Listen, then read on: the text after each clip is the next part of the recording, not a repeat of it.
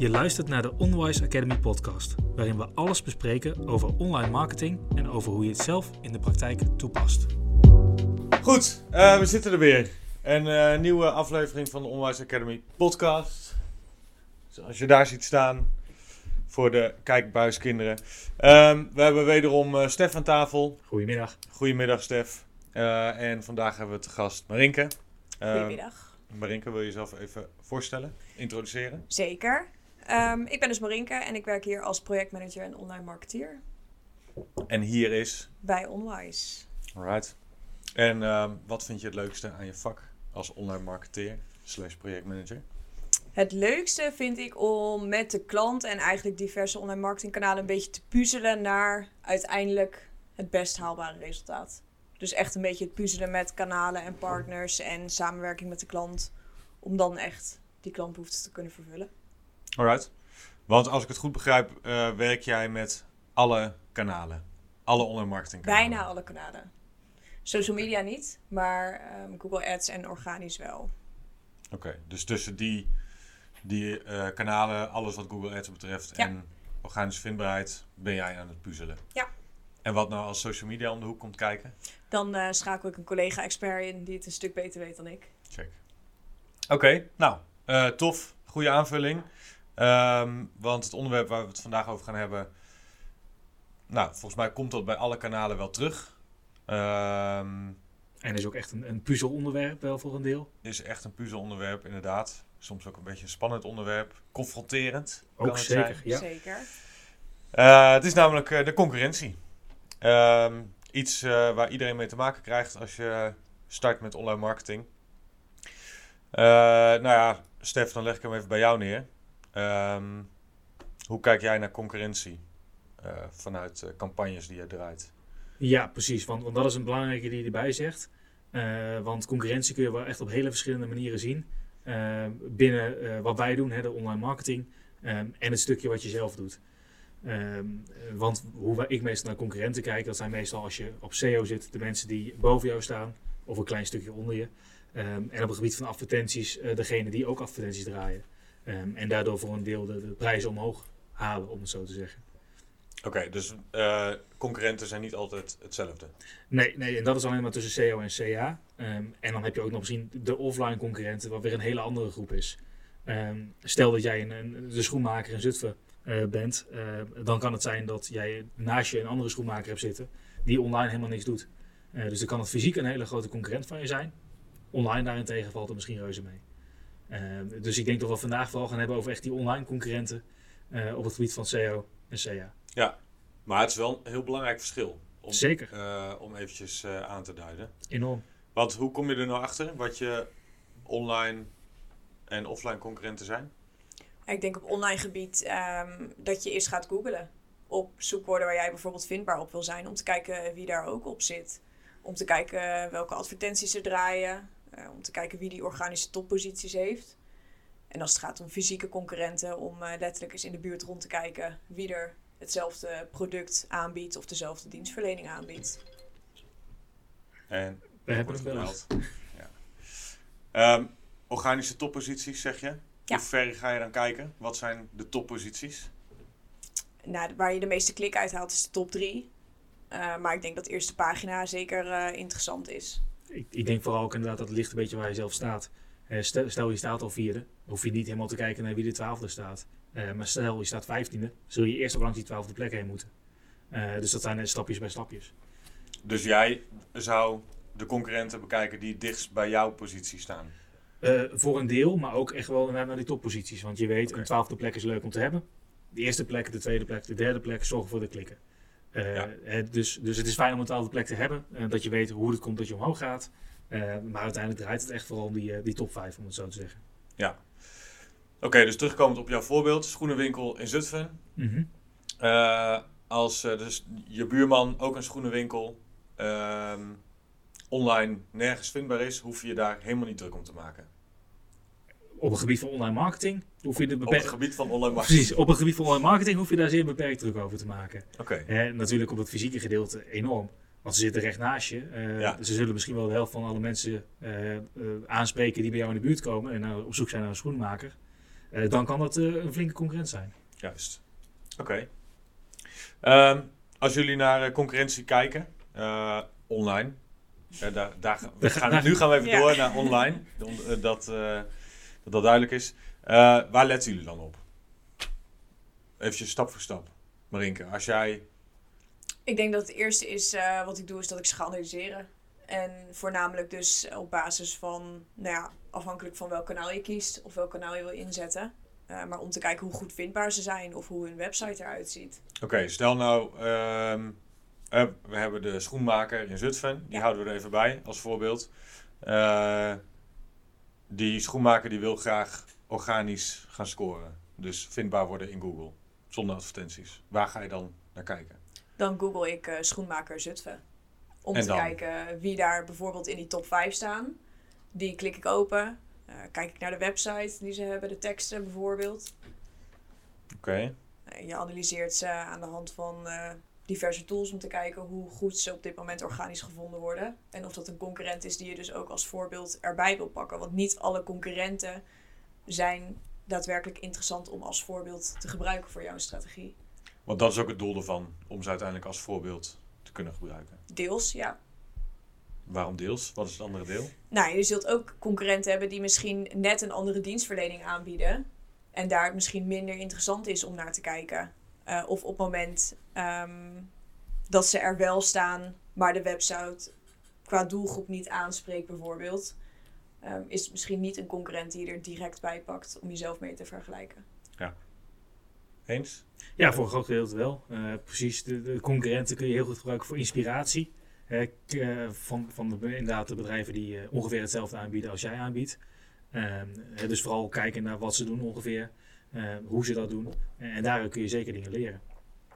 Eh, maar aan het einde van het verhaal blijven het concurrenten, dus zul je er ook overheen moeten. Precies.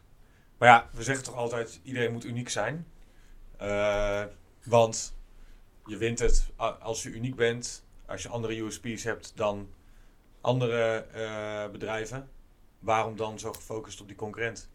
Zeker, hè, voor je bedrijf is het heel belangrijk dat je onderscheidend bent. Eh, dat jij degene bent, eh, waar, dat je inderdaad een USP hebt waardoor ze naar jou toe komen. Eh, voor Google zijn echter heel veel van dezelfde dingen belangrijk bij het plaatsen van een, een bedrijf bij op een bepaalde positie in, de, in Google. Dus stel, jij bent een beginnende schoenmaker, dan zal Google jou inschalen op onder andere hè, de tekst waar we het eerder over hebben gehad, eh, het stukje autoriteit. En dat zal die voor alle bedrijven doen. Dus daarom kun je zeker op die gebieden kun je heel veel leren van die concurrenten. Eh, om eigenlijk te kijken, hey, wat hebben zij gedaan? Blijkbaar staan zij heel goed in Google. Misschien kan ik er iets eh, overnemen of eh, inspiratie uit opdoen, eh, waardoor ik zelf ook hoger kan komen. Oké. En hoe analyseer je dat dan? Ja. Op welk, jij noemde net al website, teksten, Ja. bepaalde tools gebruiken. Maar wat, wat voor informatie ga je er uiteindelijk uithalen? Nou, met name bijvoorbeeld qua zoekwoorden. Op wat voor zoekwoorden ze vindbaar zijn. Want misschien overlapt dat heel erg met zoekwoorden waar jij ook vindbaar op wil worden. Dus dat is gewoon een stukje inspiratieonderzoek. Eh, welke zoekwoorden zouden voor jou ook interessant kunnen zijn? Precies. En ik denk dat het vooral geldt inderdaad als je niet een, een, een schoenmaker bent in Zutphen, maar echt een groot bedrijf met eh, heel veel verschillende producten in je webshop bijvoorbeeld. Eh, op een gegeven moment weet je niet welke producten allemaal geweldig zijn om op te scoren. Ja. En dan kan zulke inspiratiebron inderdaad voor concurrenten eh, inderdaad helpen om te zien waar zij het van doen. Precies. En volgens mij ook, eh, daar hebben we gisteren met z'n drieën een voorbeeld van gezien. eh, kun je ook een, een complete strategie eigenlijk bij een concurrent terugzien. Ja.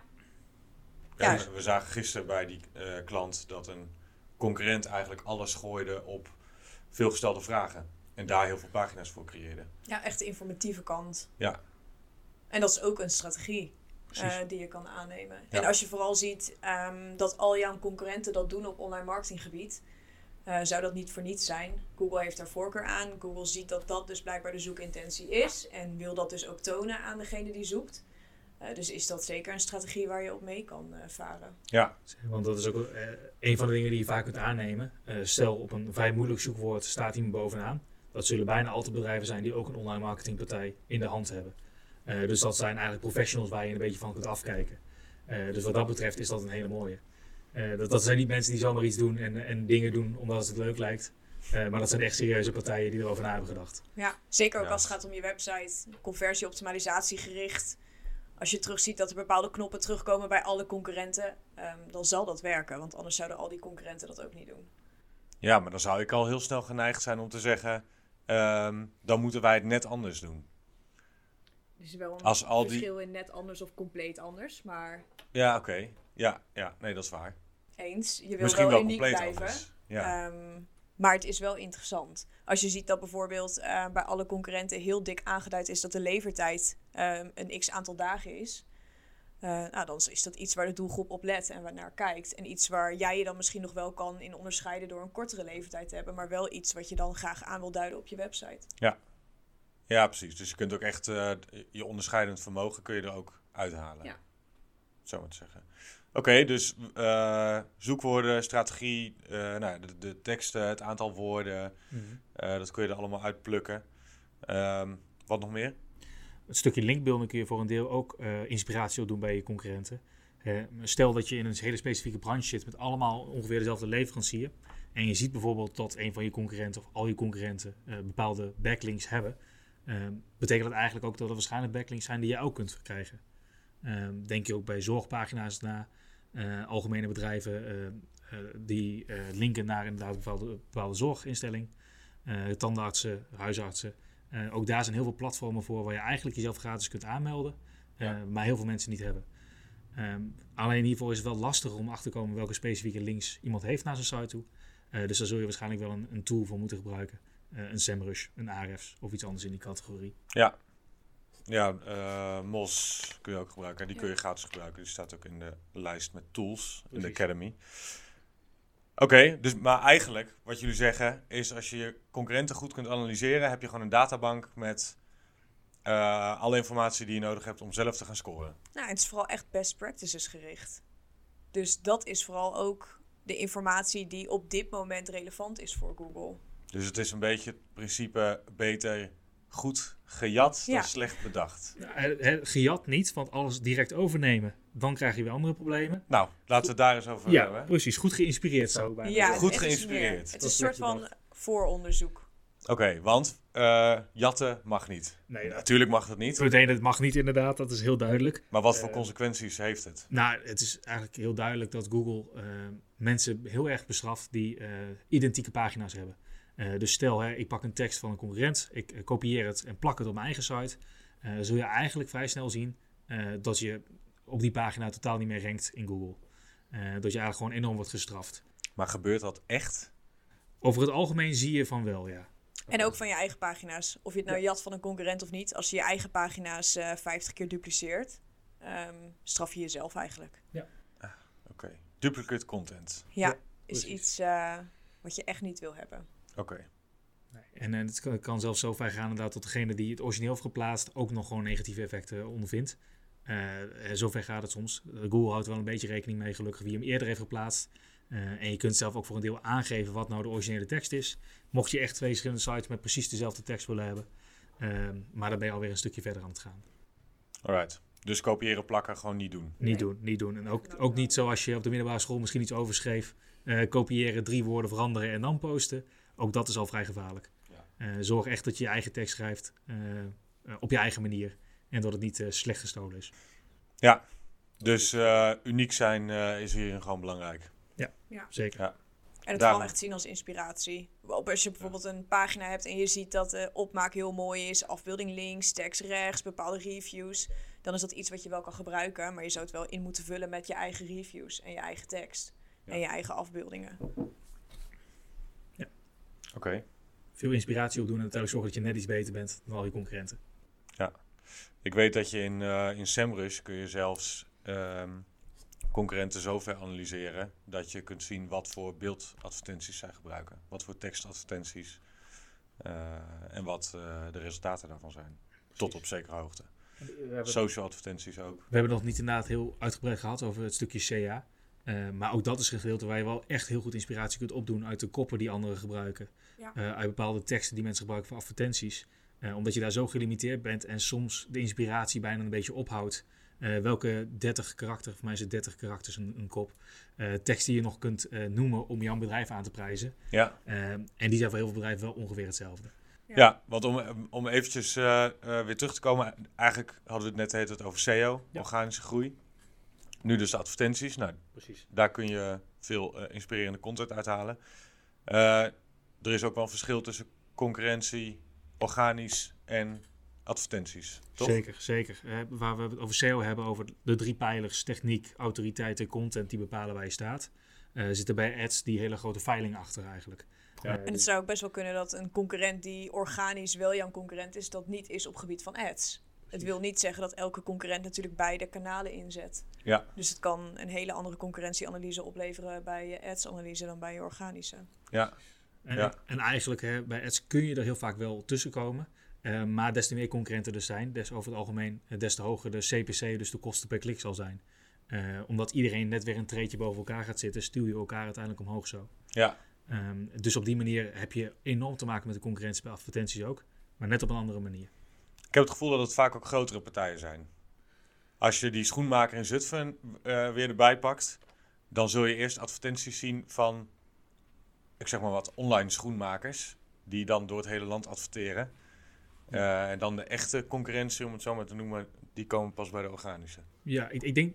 hè, Dat is misschien een slecht voorbeeld. Ja, het hangt ook wel een beetje van af. Als je naar je veilinginzichten kijkt, kan je zien welke concurrenten eigenlijk een groter deel van de markt bedienen op gebied van ads. Maar het zou best wel kunnen zijn dat jij die landelijke schoenmaker heel veel ziet in positie 3 in ads, maar niet de absolute top eh, heeft. Want dat zou misschien wel weer een lokale ondernemer kunnen zijn. Ja, Dus daar kijk je ook omdat weer die echt- relevanter is Ja, in die regio. En het is natuurlijk ook, stel dat jij in alle plaatsen in Nederland vindbaar wil zijn. eh, dat zou betekenen dat je honderden SEO-pagina's moet gaan maken. eh, daar allemaal mogelijk specifieke linkbuilding op moet gaan doen. eh, dan ben je flink bezig. Eh, dat- Ja, dus dat- dan pak je ads. Precies, dan pak je ads. Dat is een stukje makkelijker. Maak je een paar verschillende campagnes en je scoort meteen daarop hoog. En toch zie ik ze nog steeds voorbij komen. De Zeker. websites met eh 200 verschillende landingspagina's op alle plaatsnamen. Ja, nee, die heb ik, eh, heb ik ook Over een paar content gesproken. Maar vaak inderdaad zie je dan eh, wel dat als je eh, focus hebt op een specifieke pagina als klein bedrijf, eh, dat je daar goed langs kunt heen gaan. Ja. Eh, omdat die focus op die pagina zo laag is eigenlijk. Dat jij als, als hyper gefocust bedrijf daar heel goed overheen kunt komen. Oké, eh, jij noemde, Stef, jij noemde net al uit eh, advertenties eh, van concurrenten kun je dus, nou je kunt er sowieso uit opmaken wie je concurrenten zijn. Ja. Dat Mhm. beginnende. Ja. Je kunt er inspiratie uithalen, eh, titels en omschrijvingen. Ehm, hoe kun je er nou uitpikken wat goed is en wat minder goed is? Ja, of daarvoor- valt dat er niet?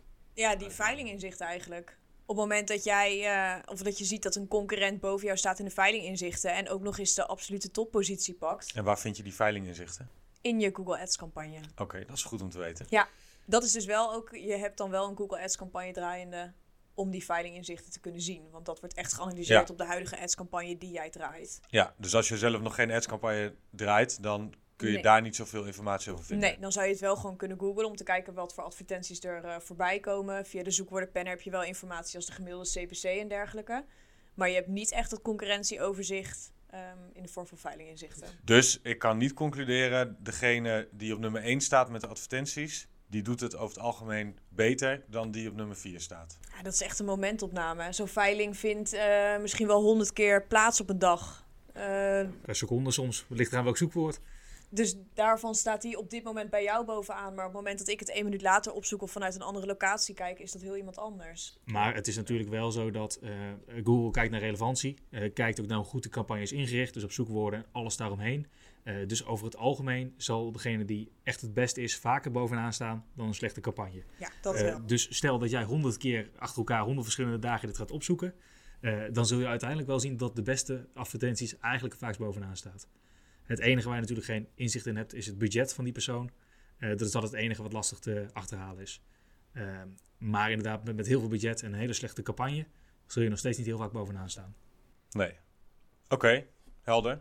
Ehm, stel je draait dus wel een adscampagne. Ja. Ehm, wat haal je precies uit die veilinginzichten? Nog even op een Ja, überhaupt dus om te kijken waar jij staat in de veilinginzichten. eh veilinginzichten. Als in gemiddelde positie? Ja, Of- dus hoe vaak, hoeveel procent eh, van de tijd jij eigenlijk bovenaan staat. Of althans, dat kan je dus kijken op verschillende plekken. Hoe vaak je überhaupt zichtbaar bent, dus voorkomt in de veilingen.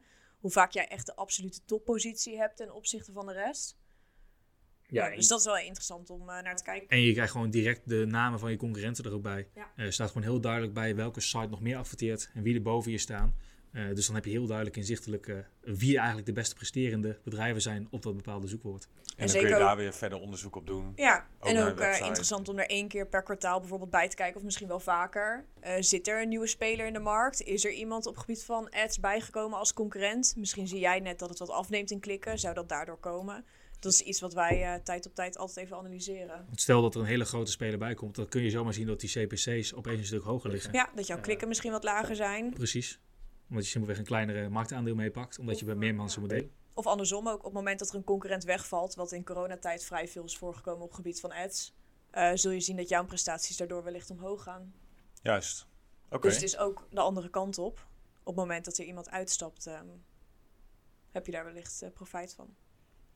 Het ergste ervan is, de concurrent doet natuurlijk hetzelfde bij jou zodra het goed gaat. Uiteindelijk is het één grote vicieuze cirkel. Zo simpel is het. Ja, wat jij kan zien, kan een concurrent ook zien. Ja, Dat Ja. is geen geheime data. nee, precies. Maar dat- Behalve als je hele goede tools hebt, dan kun je dus net wat meer zien. Ja. Zoals met SEMrush Ja, bijvoorbeeld. en eh, dat blijft ook het belangrijkste. Daarom zeg ik, eh, goed geïnspireerd om het zo te zeggen. Eh, neem heel veel over. Kijk goed naar wat concurrenten doen. Eh, niet letterlijk overnemen, maar eh, kijk wat ze doen en, en neem over wat relevant is. Neem het in je op. Neem het in je op. Maar zorg ook altijd dat je iets van meerwaarde erbij zet. Zorg dat je net een andere campagne draait. zodat je daaruit weer resultaten kunt trekken. Waardoor je net beter bent dan de concurrenten. Ja. En eigenlijk stuur je op die manier iedereen alleen maar naar een hoger niveau toe. Eh, waardoor die CPC's ook nog redelijk onder controle blijven. Zeker. En op het moment dat jij jouw pagina uniek hebt gemaakt voor Google, maar jij als advertentiekoppen alles overneemt van de concurrent, eh matcht dat niet met de pagina die jij erachter hebt zitten, waardoor jouw advertentierelevantie laag uitvalt en jouw advertentie dus ook niet zo goed presteert als dat eigenlijk zou kunnen. Dus daarmee heeft het letterlijk overnemen van advertentiekoppen ook geen zin op het moment dat het niet aansluit bij de pagina die jij erachter hebt zitten. Nee, dus je moet wel echt bij jezelf blijven, je Ja. eigen verhaal blijven uitdragen. Ja. eh, en de concurrentie als inspiratie gebruiken. Ja. Oké, we hebben het gehad over eh, organische vindbaarheid, SEO, eh, en over Google Ads. Een hele belangrijke hierin, vind ik, zijn de socials natuurlijk. En e-mail marketing. Want ook daar kun je natuurlijk ontzettend veel achterhalen van de concurrentie.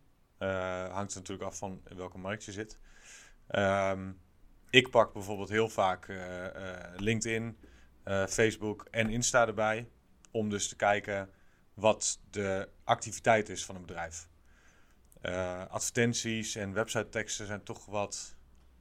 Nou, die worden niet heel vaak aangepast. Op de socials krijg ik een veel beter idee van waar die bedrijven nou echt van dag tot dag mee bezig zijn.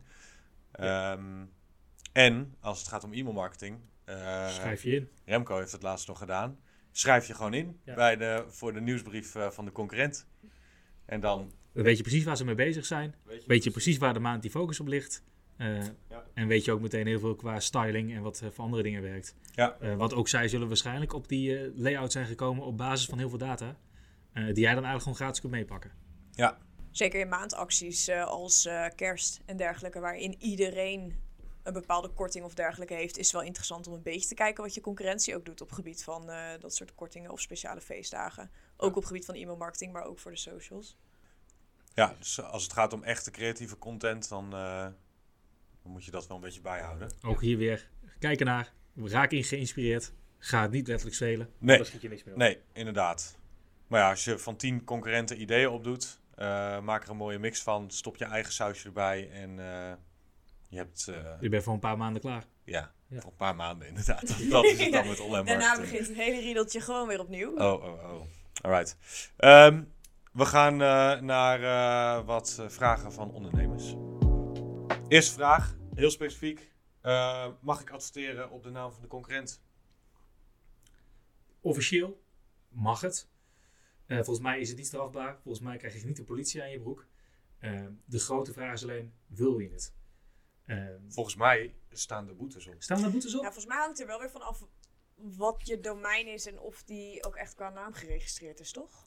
Eh, volgens mij is het zo, maar ja, we praten nu heel veel met volgens mij. Volgens Ja. mij moeten we de volgende keer wat beter vooronderzoek doen. Tegenvallen. Ehm, als jij specifiek hebt ingesteld dat een zoekwoord van jou de naam van een concurrent is, dan eh, ben je dus onrechtmatig aan het, eh, adverteren. Ja. Ehm, Dat in ieder geval daar geparkeerd. Doe het in ieder geval waarschijnlijk niet omdat het waarschijnlijk niet mag. het is zo, je krijgt sowieso een slechte kwaliteitsscore. Precies. En, en dat is het grote probleem eigenlijk. Of een ander groot probleem. Eh, je zult nooit de relevante partij zijn op dit zoekwoord. Want die mensen zoeken niet naar jou. Die zoeken naar iemand anders. Nee, maar wat ik dus wel vaak terugzie, eh is je hebt bijvoorbeeld een hele grote speler in een bepaalde eh, markt en een hele kleine. Mhm. Nou, die hele grote, die krijgt al heel veel zoekvolume, eh, heel veel verkeer. Er wordt ook veel gezocht op die naam. Eh, wat die kleine partij dan kan doen, is een pagina opbouwen met partij X versus onszelf. Wat zijn Ja. de voor- en nadelen? Dan bouw je dus een pagina waarmee je gevonden kunt worden op de naam van de concurrent. Ehm, maar ze op jouw website uitkomen. Ik zou vooral de overweging maken of het de moeite waard is of niet. Is jouw doelgroep heel erg merkgebonden bijvoorbeeld? Ehm, dan zou ik zeggen, steek daar niet te veel tijd in, want ze zoeken heel specifiek naar bedrijf X. Als je zegt van nou, ze zijn meer aan het prijsvergelijken, dus de overstap kan vrij snel gemaakt worden van de doelgroep, dan zou ik het wel interessant vinden. Ja. En een pagina aanmaken ter vergelijking met je concurrent, eh, ja, waarom niet? Ik hoorde eh, toevallig vanochtend ook dat Google Ads nu met iets nieuws bezig is. Eh, remarketing op basis van concurrentie. Ja, klopt. Nieuwe display eh, marketing segment wat je kan aanvinken. Ehm, je hebt al de standaard segmenten of bijvoorbeeld je remarketinglijst die je kan toevoegen. Maar je kan ook daadwerkelijk op de bezoekers van je concurrenten je displaycampagne tonen. Dus daarmee gaat Google Ads eigenlijk kijken naar wat voor bezoekers komen op bepaalde websites die jij opgeeft. Eh, hoe ze precies aan die data komen is nog een beetje een vraagteken. Ehm, maar ze zeggen dat ze een doelgroep, een segment kunnen vormen van bezoekers die op websites zijn geweest die jij dan opgeeft. En die krijgen dan heel specifiek de targeting te zien, of in ieder geval de banner of advertentie te zien die jij eh, draait. Dus het zijn niet de individuele bezoekers die op de site van de concurrent komen, maar het bezoekersprofiel wat op de site van die concurrent komt. Google Ads zegt het eerste, maar ik denk persoonlijk het tweede. Oké, bijzonder. Ja. Oké. Ja. Dus het mag wel en het is niet dat Google Ads dat verbiedt, want ze bieden ook die functionaliteit aan. Ja, Ehm, Ja, en en, vooral dat is er niets voor niets. In de tijd van de verregaande AVG-regels is het opeens een heel rare wending die Google maakt. Ja, maar het is ook wel toch in sommige branches echt wel een gentleman's agreement dat je het niet doet. In sommige branches wel, dus ik denk ook wel dat het heel brancheafhankelijk is. ja. Maar het is wel interessant. Zeker. Eh, misschien moeten we hier later op terugkomen als we daar meer eh, data over hebben. Eh, andere vraag die we hebben gekregen. Eh, deze heb ik trouwens echt wel vaak terug horen komen. Hoe kan het dat mijn concurrent eh, nu al zo hoog staat, terwijl die nog maar net een nieuwe website heeft? En ik heb deze site al tien jaar.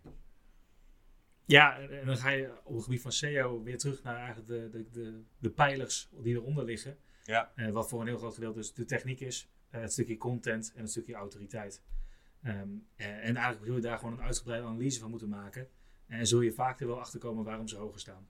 Maar ik heb toch ook echt wel vaak gezien, even een hele kritische noot, Zeker. dat het gewoon onverklaarbaar is. Ja, wat, wat, site, eh, slechte autoriteitsscore, niet per se hele mooie content. wat, wat, wat ik uit mijn En eigen, eh, mijn eigen klanten wel eens heb meegemaakt inderdaad, is dat er een nieuwe speler komt. Die opeens enorm omhoog schiet. Omdat Google die op een of andere manier een kans wil geven, heb ik soms het idee. Eh, om twee, drie maanden later weer enorm te zakken. Ehm, ik, Oude filantroop Google. Ja, ja, bijna dat je denkt, hé, hey, er is iets nieuws, ik ben geprikkeld, eens kijken wat dit gaat doen. Eh, die gooit hem omhoog en twee maanden later sta je weer op plekje 12 en heb je weer helemaal niks. Eh, dat idee heb ik soms wel eens. Ja, of domeinnaam heb ik toch ook soms Oh. nog wel eens het idee. Als het heel specifiek is, bijvoorbeeld in de glazenwassersbranche. Ehm glazenwassers in combinatie met een bepaalde regio werkt als domein supergoed. En dan heb je niet eens die content, techniek en linkbuilding altijd nodig. Dit is dus iets typisch wat Google zegt Ja. dat niet helpt. Eh, maar eigenlijk iedereen sterk het vermoeden heeft dat inderdaad je domeinnaam eh, en de zoekwoordrelevantie daarin enorm veel uitmaakt. En voor Google Ads eh, maakt in principe niet uit dat die site net nieuw is.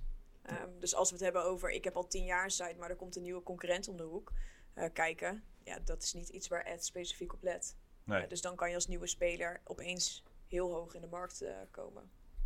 Goed, dus als antwoord op de vraag. ehm, hoe kan het dat mijn concurrent zo hoog staat eh, met eh, een splinternieuwe website? Eh, moet je dus gewoon analyseren. Ja. Daar komt het op neer. Zeker. En dat kun je doen eh, aan de hand van de Academy. Want daar hebben we het in uitgelegd. Daar staat eigenlijk alles in. Eigenlijk staat er alles in. En ook de tools die je ervoor kunt gebruiken. Ja. Eh, goed, nou, ehm, we gaan hem afronden, maar het is eh, nou, een onderwerp waar we nog veel langer over kunnen praten. Dus eh, misschien een keertje een vervolgaflevering. Eh, iets meer de diepte in. Eh, ik ben eigenlijk wel benieuwd, eh, zeker de tools die we er dan erbij kunnen pakken. Misschien kunnen we wel een voorbeeldje erbij pakken. Ja, dat zou voor leuk op zijn. beeld. Oh, dat is altijd leuk Dan gaan we live een, een concurrent eh, analyseren. Goed plan. Een van onze eigen concurrenten, dat zou leuk zijn. Oeh, dat is wel heel spannend. Dan kunnen we zien waar we het beter doen. Kritisch analyseren wordt dat. Ja, ik nodig wel een eh concollega, moet ik dan zeggen, uit. En dan gaan we samen eh, elkaars eh, website Leuk. checken. Ja, goed idee. Ehm Marinke, bedankt voor je eh, bijdrage. Jullie bedankt. Stef, weer bedankt. Tot de volgende keer weer. En tot de volgende. Dit was een aflevering van de Onwise Academy podcast. Bedankt voor het luisteren. Heb je specifieke vragen? Schiet deze dan in via het dashboard van de Academy. Tot de volgende!